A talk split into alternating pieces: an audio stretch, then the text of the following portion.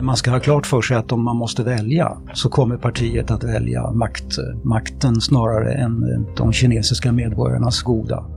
Den som säger det heter Lars Fredén och det här avsnittet handlar om Kina, vad som motiverar kommunistpartiet, dess grepp om makten och hur väst bör hantera Kina på lång sikt. Hej och välkomna till Frivärldspodd Säkerhetsrådet.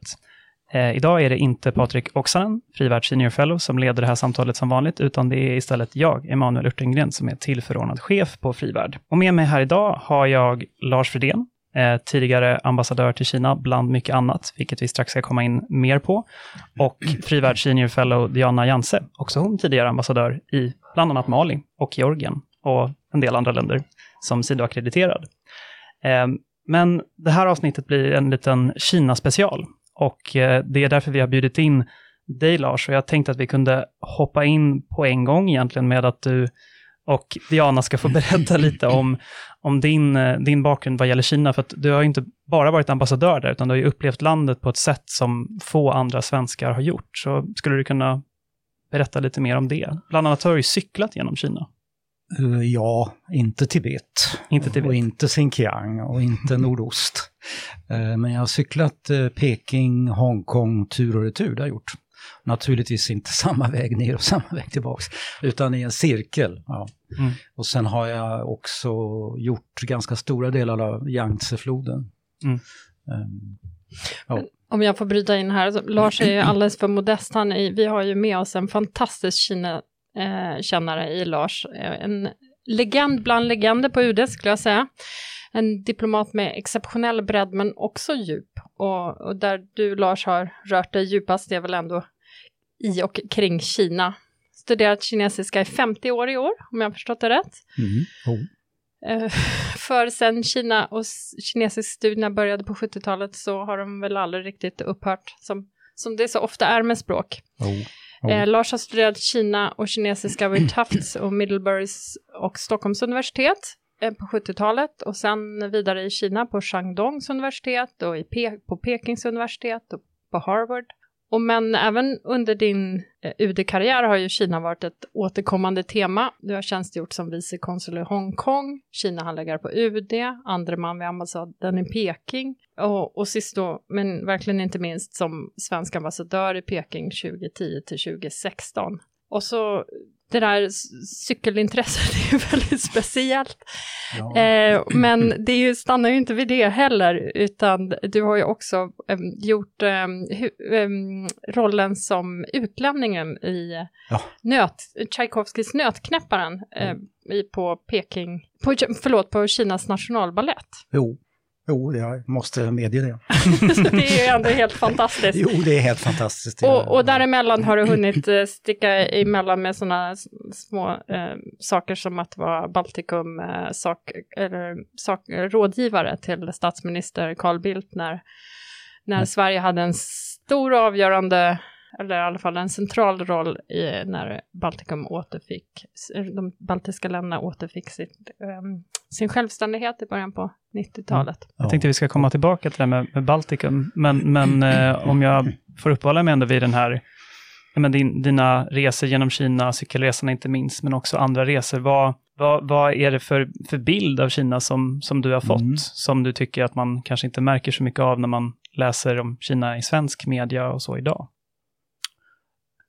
Ja, det är ju att eh, Kina är stort.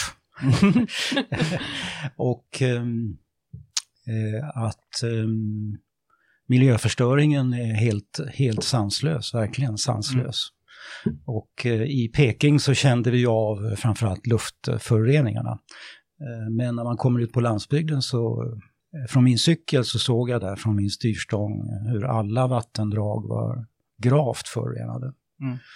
Och man ser också eh, heter det, fast eh, avfall, alltså solid waste, helt enkelt eh, skräp alltså, och eh, inte minst plastpåsar. Mm. Eh, I jättestora öppna avskrädeshögar som naturligtvis blåsten tar och sådär så att eh, damm och de här plastpåsarna möter en. och så kommer det långtradare, tjung, tjung, som, mm. som passerar det det kan vara lite tufft faktiskt. Men det tycker jag var mycket lärorikt och sen ser man ju, det visste jag ju förut naturligtvis, att det finns väldigt många olika dialekter och att de är ju så skiljaktiga att det egentligen är olika språk. Mm. olika vanor, olika maträtter. Och, och som sagt, det där visste jag ju intellektuellt, men nu kände jag det verkligen i kroppen, eller som det heter på kinesiska tishui, att med, med, med kroppen verkligen lära sig någonting. Och för mig, för min ingång till Kina har varit uh, kinesisk historia, särskilt in, kinesisk intellektuell historia. Uh, men även vanlig historia. Så har det, var det nästan zen-buddhistiska, liksom det gick upp en tändes en glödlampa här och där, att nu förstår jag, mm. när, man, när jag tog mig över någon bergsrygg från provins A till provins B. Mm. Då begrep jag ju äntligen varför, varför gränsen går just där och varför just den och den armén tog sig fram på det och det sättet och sådär. Så att jag tycker verkligen att det, det har varit um, det mest lärorika jag har gjort när det gäller Kina. Mm. Um, och jag vill tillägga en sak också, det är att, um, att jag träffade väldigt mycket trevligt, trevliga människor. Mm. Bönderna nämligen.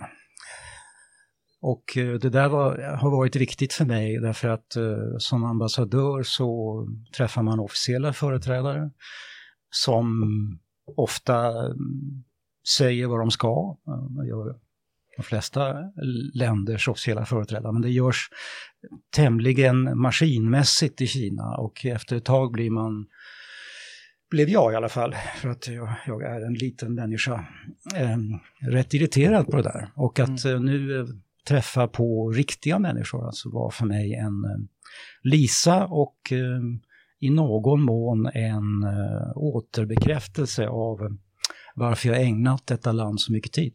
Mm. Mm. Och alltså skillnaden mellan landsbygden och städerna är ju, den pratar man sällan om, den är ju jättestor. Och eh, bönderna är nästan livegna, jag använder nu ett mycket starkt ord, men det finns ju en mantalsskrivningsregel, man kan inte bara flytta till stan. Precis. Eh, det vill säga man kan inte flytta till stan och eh, kunna få ut ur välfärdssamhället, skolgång och allt det där. Utan, utan det blir, det blir, man lever i en ganska osäker tillvaro då, alla migrantarbetarna. Mm. Men om man kopplar till det då, vad, alltså, det, det är ju ett stort land och gigantiska utmaningar, inte minst miljömässigt. Men hur håller man samman det här då? Vad, vad, vad är... Kittet. Vad är kittet? Vad, vad driver det kinesiska kommunistpartiet och vad driver ordförande Xi? Finns det någon konflikt mellan de storheterna? Ställer stora frågor. Vad som driver, mm, om jag börjar med den vanliga kinesen, så, om det finns en sån, så eh, men i vissa avseenden tycker jag nog att det gör det. Alltså man kan nog generalisera sig att det eh, kinesiska, den kinesiska kulturen är, eh, präglas utav en mycket stark vilja till förkovran, självförkovran, att sträva att komma vidare det där hör också till det som eh, håller mig fast vid Kina. Jag tycker det är upplyftande att träffa människor som, som strävar. Och eh, för att ta bönderna så är det ju i, i betydande motvind de gör det. Men de fortsätter ändå. Vad som håller partiet igång det är ju eh, att de är övertygade om att de har rätt. Ehm, de, ehm, propagandan talar ofta om historien med H, ett hegelianskt begrepp. Ehm, och eh, historien har gjort ett val. Och det valet går ut på att Kina ska styras av kommunistpartiet. Mm. Ja. Alltså jag, inte, jag hittar inte på det här, Nej, utan det, det, står i, eh, ja.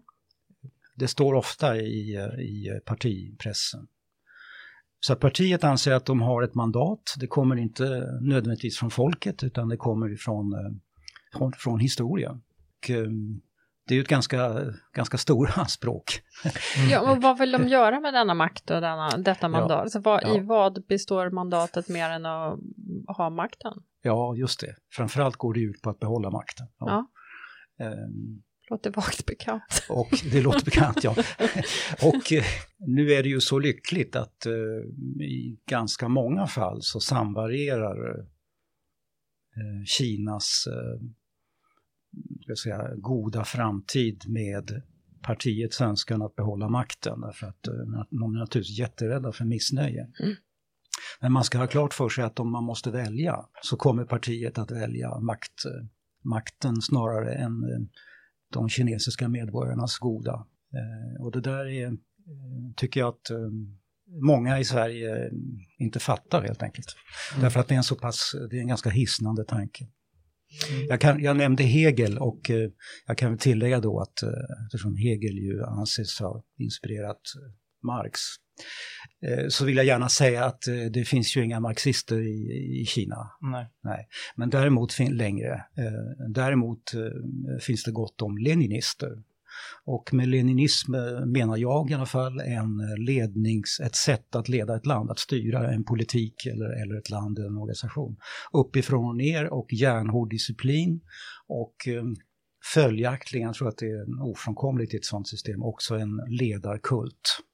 Mm. Och en ledare som ska vara ofelbar. Så att, alltså, Kina är inte marxistiskt men partiet är leninistiskt.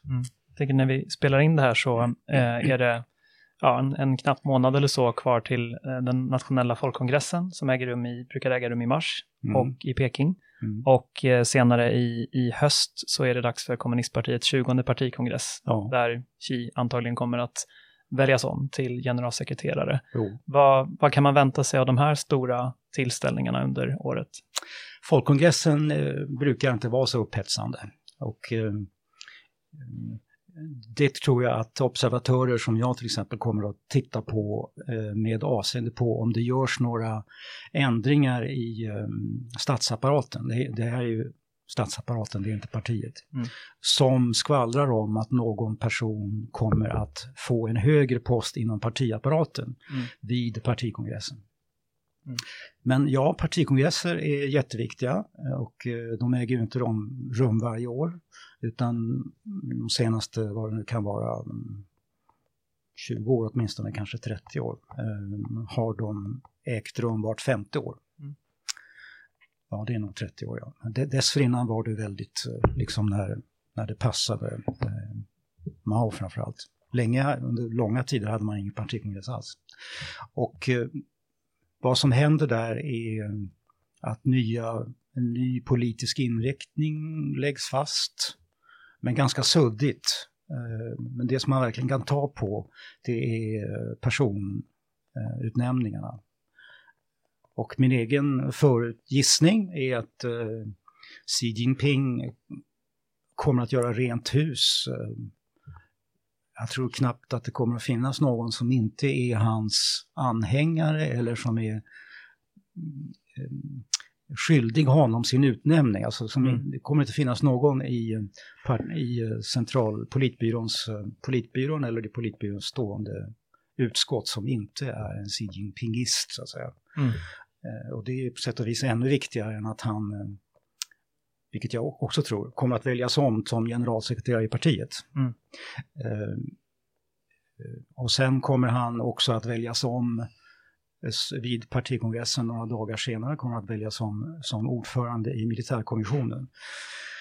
Vilket är det sätt alltså, som, som partiet verkligen eh, håll, behåller makten, det är ju, det är ju militären Ja, och, sä- och säkerhetstjänsterna. För Folkets befrielsearmé, det är ju kommunistpartiets Ja, armé, det är ja, inte visst, Kinas. Visst. Exakt, Eh, trots namnet. Ja. Men får jag fråga, eh, när det gäller då att hantera eventuellt missnöje och makten framför allt hörde vi, eh, om man tänker då, vad, är det folk är nöjda eller missnöjda med? Jag tänker vi började med den här eh, målande bilden eh, av din tur genom Kina och all, hur, all miljöförstöring. Väcker inte det någon debatt? Jo, visst gör det. Och, och hur hanterar man det? Och vad är, vad ska man säga, vad är trade-offen? Är det att man har eh, fått en starkare ekonomisk eller starkare privatekonomi och man står ut med det här eller man, det finns inga utrymme till opposition eller liksom hur, hur säkerställer partiet att man med så lite våld som möjligt då kan bibehålla makten. Ja, behövs det så använder man ju våld. Ja, men jag antar att man ändå försöker oftast hantera det på annat sätt. Ja, det första är att man, att man stoppar spridningen utav eh, all, all organiserad opposition. Mm. Den, den kväses ju i sin linda. Ja. Mm. Um, ja, och kontrollen utav elektronisk kommunikation um, som ju helt har tagit över i Kina, liksom hos oss, uh, tidigare i Kina än hos oss, den är ju total. Mm. Den är mycket större än när jag kom dit som ambassadör 2010. Mm. Ja, det, och, det... det kanske, förlåt jag avbryter, men det där, är, det där har jag ofta tänkt på, um, eller det har inte bara jag som har tänkt på det, men jag kan påminna om att uh, Bill Clinton sa under ett av sina besök i Peking att det skulle inte gå att kontrollera nätvärlden Eh, därför att it would be like nailing, attempting to nail jello to the, to the wall. Liksom, sätta en sån där eh, mm. geléklump, spika fast en geléklump. Eh, men det har visat sig att det var fel. Mm. Och där hade jag också fel. Vi såg ju det där vid den här tidpunkten nu för nu, ja, länge sedan, 20 år sedan. Vi såg det där som en väldigt stor förändringsfaktor till det bättre, till ett öppnare samhälle, men det har nog blivit tvärtom. Ja, har inte pandemin också? Jag tänker bilden av pandemin nu är mm. ju verkligen hur, mm. hur det här kontrollsamhället jo. har jo. kunnat växla upp uh, i, i, smittspridningens, liksom, bakom smittspridningens täckmantel. Mm. Jag tänkte eftersom det här ändå är säkerhetsrådet så att vi ska ja. vända oss lite till det, till det säkerhetspolitiska. Eh, Kina håller ju på med en stor militär upprustning och, och, modernisering. Och även om man kanske inte kan mäta sig med USA riktigt ännu så har man ändå vissa förmågor som hypersoniska missiler och så, där man har gjort framsteg betydligt snabbare än vad eh, till och med amerikanska bedömare på Pentagon mm. tidigare kunde tro. Eh, men som eh, en person som jag vet att båda ni känner väl, eh, Carl Bildt har skrivit, så har Kina kanske inte en erfarenhet av en internationell ordning och vi kan ju diskutera vad det, vad det innebär eh, på samma sätt som, som USA eller tidigare Sovjetunionen hade. Eh, och jag tänkte ta, ta, in dig i den frågan också, Diana, eftersom du har varit stationerad i Ryssland också. Eh, vad, vad innebär liksom, Kinas historiska erfarenheter som skiljer sig från USAs och Rysslands, de andra stormakterna idag, och på vilket sätt, eh, vad kan man säga, att vad är kommunistpartiets säkerhetspolitiska strategi? Vad är deras grand strategy? Så vi kanske ska börja med att bena ut det här med internationell ordning med dig Lars, och sen så kanske du kan kontrastera med Ryssland, Diana. Lars har också ja, ja, precis. Nej, men precis. Jag tänkte att ni, ni har varsin, ni har varsin, ni har varsin komparativ fördel, som man brukar säga. Vi har varit i Moskva vid olika tidpunkter. Ja, det har vi. Ja. Det har vi. När var du där? Eh, 2000 till 2002, Jaha. stationerad. Mm. Och jag var 95 till 98. Mm. Mm. Och så var jag där innan som student. Mm. Ja. Men hur ska man, om man börjar med, hur ska man beskriva ja. Kinas eh, roll i förhållande mm. till det här med internationell ordning, om vi börjar där? Ja. um, det eh, brukar ju sägas att um, det sägs väldigt ofta, överraskande ofta, men konstigt alltså faktiskt, att Kina nu är på väg att återta en mm. plats som en, en av världens stormakter, eller till och med stormakten. För det har de varit förut och eh, det, det är liksom eh, det ligger i sakens natur och resten av oss behöver bara vänja oss vid det. Och de kinesiska ledarna kommer att känna igen sig så att säga när de intar den här rollen igen. Mm. Men det stämmer ju inte att det har, har ju inte funnits några världsmakter förrän på 1800-talet eh, när det brittiska imperiet stod på sin höjdpunkt. Eh, om det ens kvalar in. Och, eh, och det mongoliska väldet kvalar inte heller in även om det var väldigt stort, men det var bara Eurasien. Men det enda exemplet jag kan komma på är den amerikanska Pax Americana efter andra världskriget. Och Eh, Kina har ju aldrig varit i närheten av detta, någonsin. Och eh, därför så, eh, Kina var dock en regional stormakt. Mm. Men det är en helt annan grej, en helt annan grej. Eh, och om du frågar mig vad, om jag omformulerar frågan så här, eh, jag brukade ställa den som ambassadör. Eh, att jag brukar säga att ja, ni kommer att bli, ni kommer att bli mycket starkare än ni är. Ni kommer att bli mera framgångsrika än ni är. Världsbäst på många områden, från olympiska simbassänger till, till artificiell intelligens och örlogsfartyg. Eh, jag tror att ni kommer lyckas med, med mesta av det där, brukar jag säga. Brukade jag säga. Och vad vill ni göra med det då, brukar jag sen tillägga. Mm. Och, då, och då såg alla de som, som jag kunde ställa den här frågan till, vilket naturligtvis var väldigt få. Man träffar ju aldrig någon av vikt i Kina, förresten i Peking i alla fall. Det är ju viktigt och jag kan komma tillbaka till det. Man träffar ju aldrig någon utav betydelse på tu man hand. Mm. Jo, eh, så mitt intryck är att det har man inte tänkt på. Nej. Utan, utan vad, vad, vad det är frågan om här är en känsla av att landet är hotat, att hela omvärlden eh, vill det ont och här gäller det att försvara sig, här gäller det att hålla eh, att liksom bygga, höll jag på att säga, en kinesisk mur, alltså, Mm. eller nya kinesiska murar så att ingen någonsin kan sätta sig på Kina igen. Mm. Eh, Det, det är mitt svar på, på Grand Strategy och det är ju inte någon särskilt, eh, det är inte en positiv eh, strategi Nej. utan det går ut på vad man inte vill ska hända. Mm. Eh, när det sen gäller hur de kommer att lyckas öka sin militära förmåga, jag tar det först och sen säkerhetspolitiska, för sin Mm. militära förmåga så, så kommer de att lyckas med det också. Men det, Kina har, har ju inte varit i krig sedan 1979. Eh, om vi bortser från små, eh, små militära tvister i, i Sydkinesiska sjön. Mm. Och det gick inte så bra förresten, 79. Nu är det ett bra tag sedan. Men vad Kina aldrig har gjort är gjort en stor kampanj med alla försvarsgrenarna inblandade samtidigt. Mm. Och det är ju som alla militära bedömare vet, det är jättesvårt. Det är jättesvårt. Det har ju bäring på Taiwan som vi kanske kan komma till vid något annat tillfälle. Mm. Ehm, eh, och när det gäller säkerhetspolitiken så måste man ju ha, då, då, det är ju då att samordna det militära, den ekonomiska politiken, Kinas mjuka makt, eh, den traditionella utrikespolitiken eh, eh, till någonting som pekar i en enda riktning. Och jag kan bara konstatera att förutom Xi Jinpings huvud så finns det ingen person eh, som har överblick över allt detta. Inte heller något, något gremium någonstans som vi på min tid eh, på ambassaden i Peking kunde hitta som har till uppgift att koordinera där. Så jag tror fortfarande att alla de här sakerna är ganska, eh, ganska stovepipe, vad heter det, stupröriga. Mm. Stup, så att det är en bra bit kvar.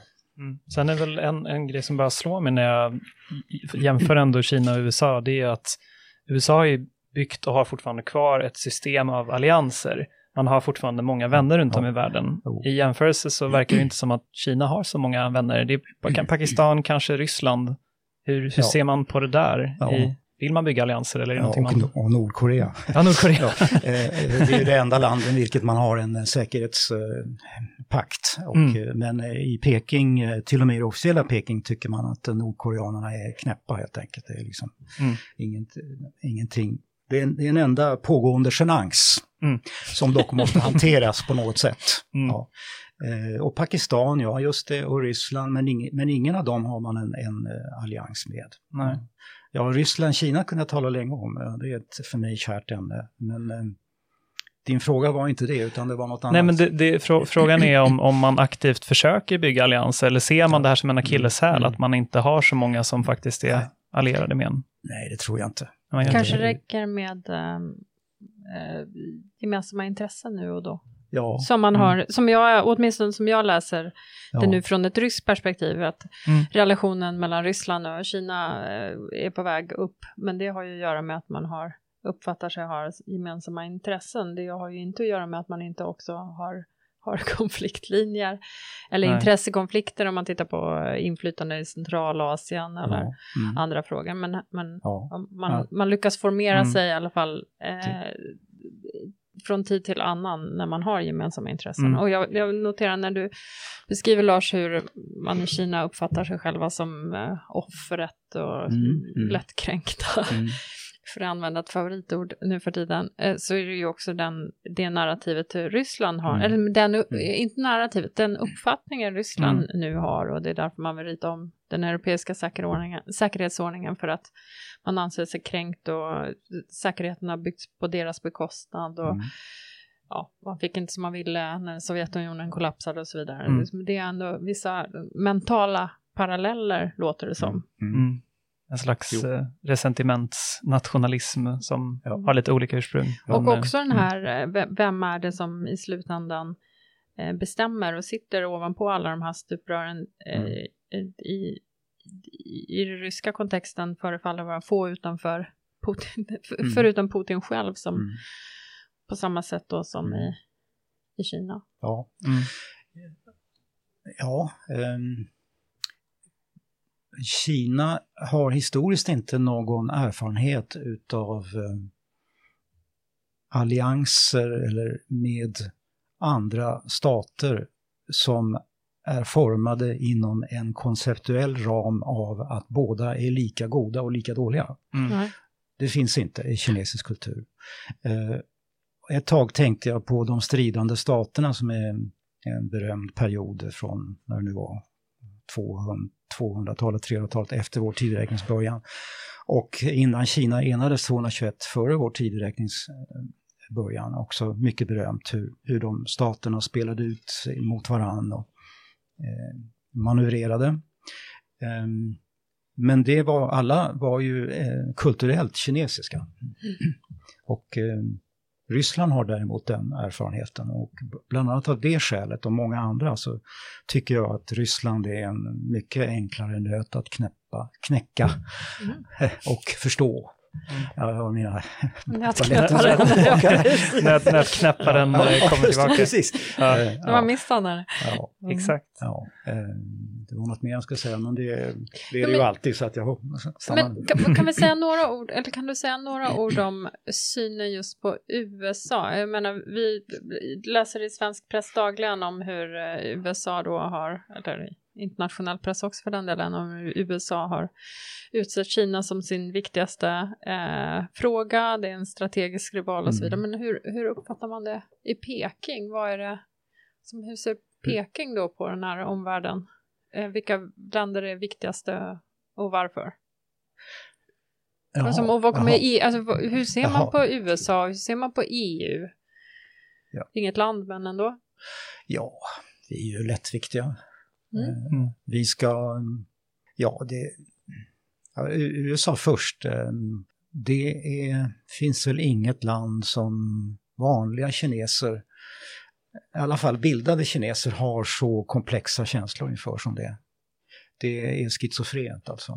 Eh, För många är, var det ju eh, möjligheternas land och framgång och framtid och modernitet och en slags, ett slags eh, möjlighet att komma in i ett annat, eh, ett annat tryck. Tryck, eh, atmosfärstrycket gick ner på något sätt när man kom till. Men eh, Trump har ju varit eh, väldigt, eh, det har inneburit eh, även i Kina att eh, många kineser, så vitt jag kan förstå, eh, frågar sig vad som, vad som pågår. För partiet är ju detta, det är ju verkligen gefundenes fressen, alltså det, det är ju, det var ju varje dag under hans tid eh, självmål Mm. eh, som man kunde tuta ut och gjorde också i kinesiska nyheter innan man kom till de egna nyheterna. Mm. Eh, det här är jätteallvarligt. Ja, Jag såg att det skämtades på kinesiska sociala medier om att Donald Trump skulle vara en kinesisk agent för att han var så destruktiv Ja. för USA. Ja, Så att jo, man ja, gladde just sig, det var mycket skadeglädje åt det kan man ja, säga. just det. Just det. Nu tror jag att man har blivit lite överraskad över att Biden fortsätter i, allt, allt utom paketeringen, den trumpska politiken. Mm. Jag ser inte någon utväg ur det där. Eh, också för att det ju inte finns någon, något annat område, eh, verkar det som, inom utrikespolitik i alla fall, knappt no- inom något annat område heller, där det finns en bipartisan, bipartisanship i, i Mm. Washington. Alla är Mm. ense om att någonting måste göras åt, åt Ja. Kina.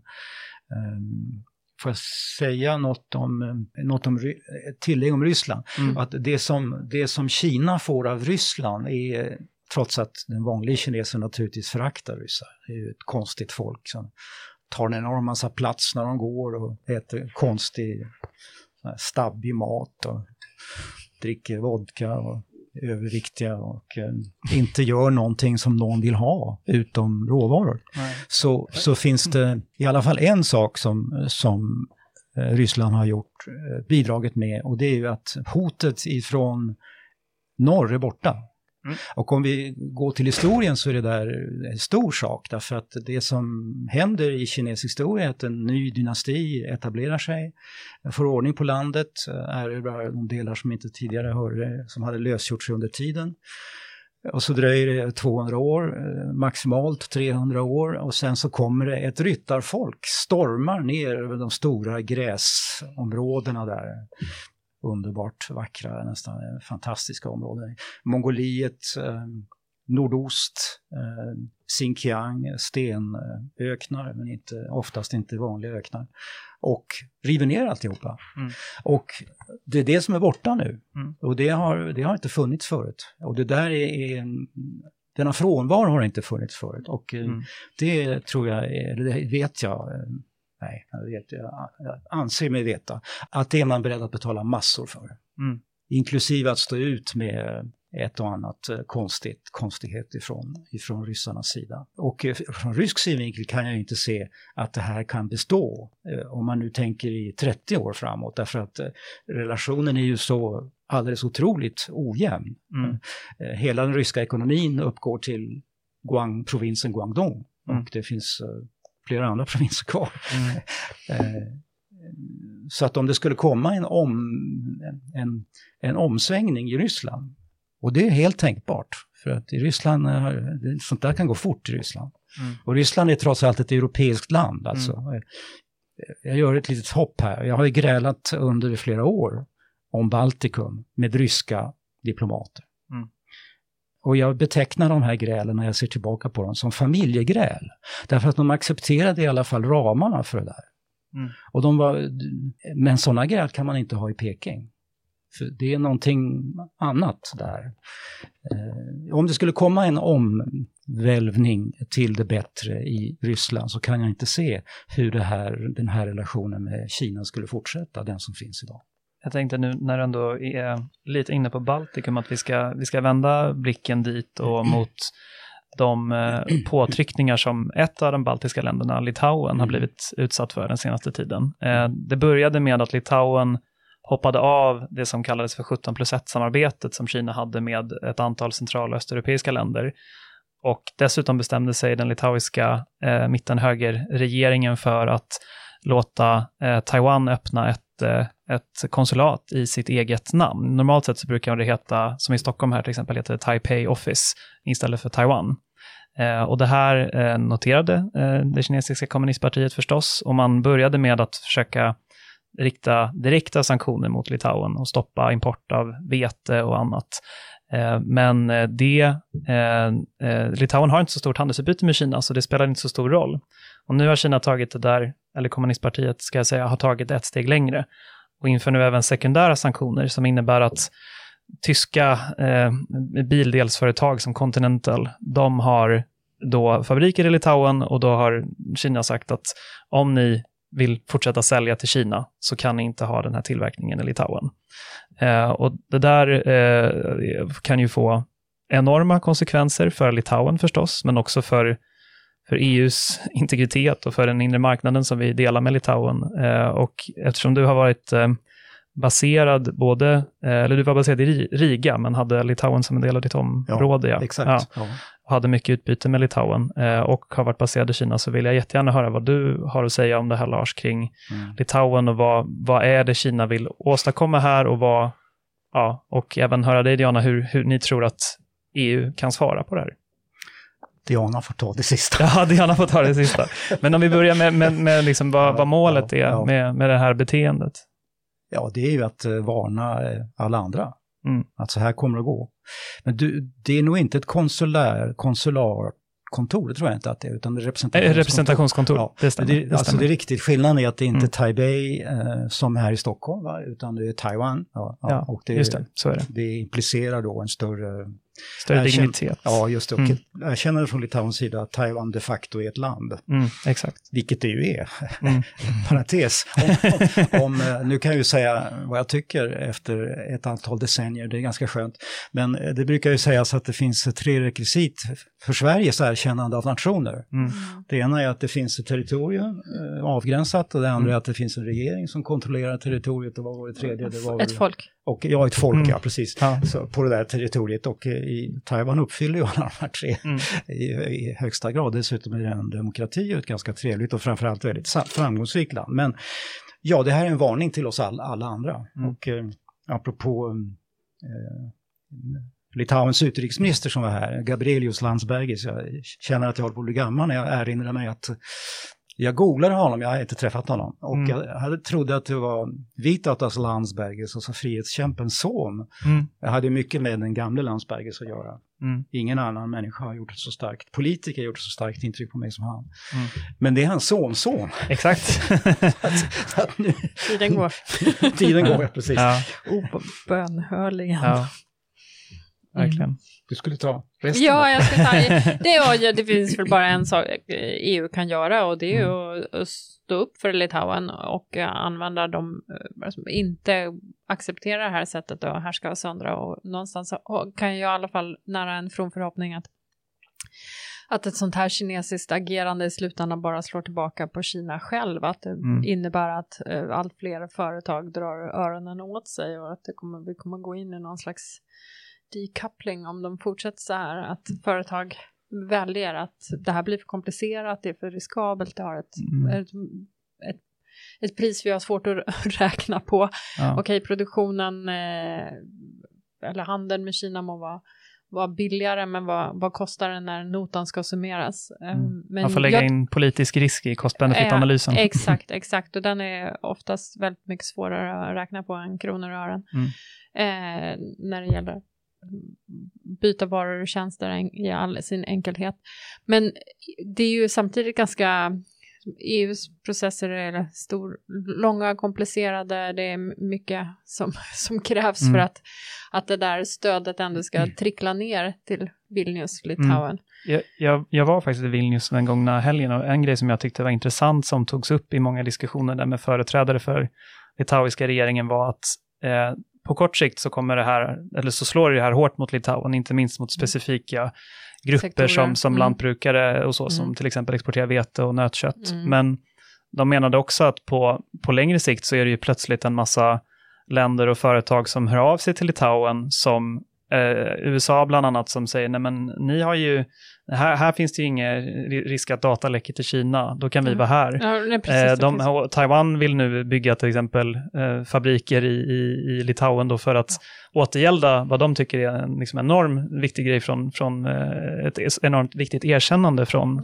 eh, Litauens sida. Och så är man inne i EU-marknaden, precis. i inre marknaden på en gång Ja, också. och eh, när Landsbergis var här i Stockholm så talade han ju till exempel om att vi har ju också ett gemensamt intresse i den här regionen av att hålla våra, våra handelsleder öppna.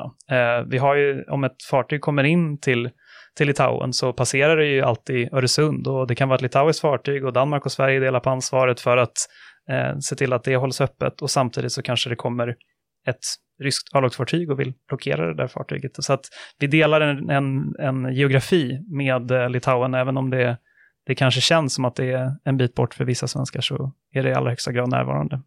Så jag hoppas i alla fall att den här frågan fortsätter diskuteras, så jag vet att det är förslag på EU-nivå, man pratar om ett antipåtryckningsinstrument eh, som eh, eh, den svenska regeringen är lite skeptisk till, för att man menar att det kan slå sönder världshandeln, men det tror jag att Kina redan är på god väg att, att göra också. Så att, Jag tycker att man måste se på de här frågorna i någon slags värderings... Alltså, vi, vi pratar ju ofta om, eh, vad ska man säga, systemrivalitet. Mm. Och det här handlar ju i slutändan om vårt öppna, eh, utåtriktade samhälle som står mot någonting annat, auktoritära regimer som Mm. tycker att de inte behöver bry sig om regler annat än när de har lust. Eh, och i, i grund och botten måste vi bara bli bättre på att försvara det system vi omhuldar så, eh, Mm. med de enda medel som funkar i, eh, i konfliktlinjen med auktoritära stater, må det vara Ryssland eller, eller Kina och det är makt. Mm. Eh, Och då, så, så, så eh, det är ingen liten sak för Nej. Litauen att lösa som jag ser det. Sen Nej. kan jag inte rada upp instrumenten EU Mm. har till sitt förfogande, men för mig handlar det om att ändå zooma ut och se vad, vad är det som står på spel här och vad har vi att försvara. Mm. Och då, då ska vi göra det som krävs för att försvara det. Mm. Jag, jag tänkte plocka upp den här tråden du hade Diana med, med decoupling innan vi, vi kommer in på en, en sista fråga om, som knyter tillbaka till det här vad vi kan göra. Eh, och det är att eh, det, har, det har kommit en del kritik eh, från alla möjliga håll. Jag såg det här mycket mer i amerikansk media för några år sedan, även om det förekommer där fortfarande också såklart. Men nu börjar det mer och mer höras tongångar i Sverige också om att var det så smart att satsa på Kina och investera i landet och öppna för friare handel med Kina? Eh, för att bara nämna ett exempel så skrev eh, den konservative debattören Ivar Arpi på sin blogg i slutet av förra året att vi säljer repet som Kina hänger oss med, som var en slags parafras på Lenin om jag inte minns fel. Eh, och sett, sett i, i efterhand då, det är alltid lättare när man sitter med facit i hand såklart, men var det, ja, var det klokt att göra Kina till en så integrerad del av, av världsekonomin och fanns det egentligen något bättre alternativ? Det är väl Mm det jag, jag, jag, jag, tycker det finns ingen counterfactual här kanske, men har jag ställt en ledande fråga, så Mm. vad, vad tänker du Lars kring just den här frågeställningen, om det var, kunde vi gjort annorlunda? Ja, annorlunda kunde vi ha gjort, eh, Mm. men inte i den fundamentala frågan. Eh, Nej. Alltså den, vi kunde inte ha låtit bli att engagera Kina, men vi kunde ha engagerat det på ett mera klarsynt sätt, det tycker jag nog. Mm. Eh, Men om vi, om vi, med det menar jag väst, och där räknar jag eh, Japan är med där också, Australien är med där också, Indien är med där också. Och, eh, USA och EU naturligtvis. Så om vi hade, eh, hur det nu skulle ha gått till på något samfällt vis, hade frusit ut Kina efter Deng öppning eh, 1978 i december, när reformpolitiken startade, så hade det ju skapats en, eh, en enormt, eh, det hade skapats en, en dolkstötslegend i Kina, som, den har ju fått ändå, men den skulle ha varit, den skulle verkligen haft fog för sig. Och för det andra så fanns det ju i praktisk politik aldrig något alternativ. Därför att eh, det här var ju, då var det väl en miljard människor ungefär. Nu är det 1,41. eh, Men alltså alla, hela näringsliv och följaktligen alla, eller tvärtom, möjligen då, regeringar, de, de var liksom i start. Det var ju omöjligt att hålla dem tillbaka. Mm. Eh, Och för det tredje så, så gick det ju länge väldigt bra. Det går fortfarande bra förresten för svenska Mm. företag och handeln ökar. Och eh, eh, svenska företag har tjänat massor av pengar i, i Kina. Och svenska konsumenter har tjänat en massa pengar. Eh, Clas Ohlson, vän på minsta sten, jag på att säga. Med en, Minsta ja, produkt. Ja, ja, precis. Så är det ju made in China nästan alltid. Mm. Och, Mm. och mycket billigare än det skulle ha varit annars. Och, och så skulle jag vilja tillägga en lite mer intangible sådär, eh, lite, lite halvmystiskt. Att, men, och det är att eh, eh, jag tror att svenska företag, mer än svensk eh, så kallad främjande, officiell främjande politik, har eh, gjort ett väldigt fint avtryck i Kina. Därför att, eh, därför att alla, därför att de har varit väldigt goda arbetsgivare. Mm. De har visat på ett annat sätt att hantera sina medarbetare än i det typiska gamla kinesiska företag. Så där har, vi, där har de gjort det, påverkat Kina i god riktning. Mm. Så att jag, jag tycker inte att vi ska vara ledsna för, på, på det hela taget kan, finns det inga skäl att, eh, att vara själv, heter självflagellantisk. Mm. Eh, Men däremot så kan man ju ta tillfället i akt att eh, nu titta lite med större klarsyn och mindre eh, så jag, halleluja-stämning på Kina idag. Och, och på, just på grund av de ökande politiska riskerna som du nämnde här, eh, Emanuel, så, så, så gäller det enligt min uppfattning att mycket mer än tidigare inför varje affär eh, göra läxan mycket mer än tidigare. Mm. I det här sammanhanget vill jag bara passa på att tipsa om en frivärdrapport som Anna Renéus Guthrie kom med förra året, där hon, som hette Temperaturmätare, där hon intervjuade svenska företagsledare och universitetsföreträdare om deras utbyte med Kina. Den ger många intressanta perspektiv på det här utbytet, tycker jag. Ville du tillägga någonting, Diana? Nej, jag kan bara instämma och det är ju som du säger kontrafaktiskt. Det är svårt att veta mm. hur det hade gått annars, men jag tycker också att det vi hade väl all anledning att engagera oss och eh, plocka frukterna som, som gick att plocka, mm, men, mm. Nu, men nu är vi någon annanstans ja. i historien och nu ja. krävs det att vi mindre aningslöshet. Eh, jag säger inte att det var det som var problemet innan, men nu mm. har vi det Kina vi har. Vi står där vi står eh, och då måste vi ständigt ha med det i analysen och kalkylen.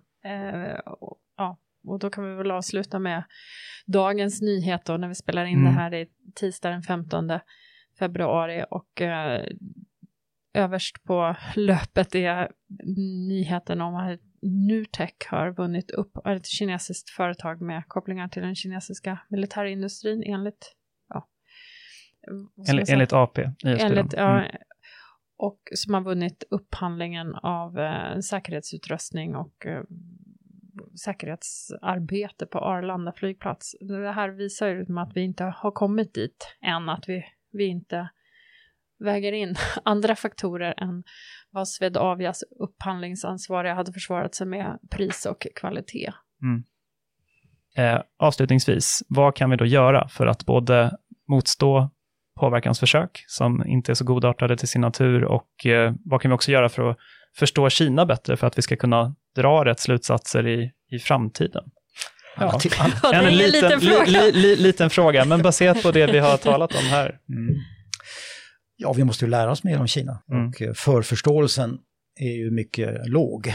Mm. Um, och jag är fortfarande förvånad över uh, den mängd, ja, har minskat kanske, men det är fortfarande en rad personer som yttrar sig om Kina i svenska media som inte kan kinesiska, vilket jag inte kan läsa kinesiska, inte kan, ja, ja, ja.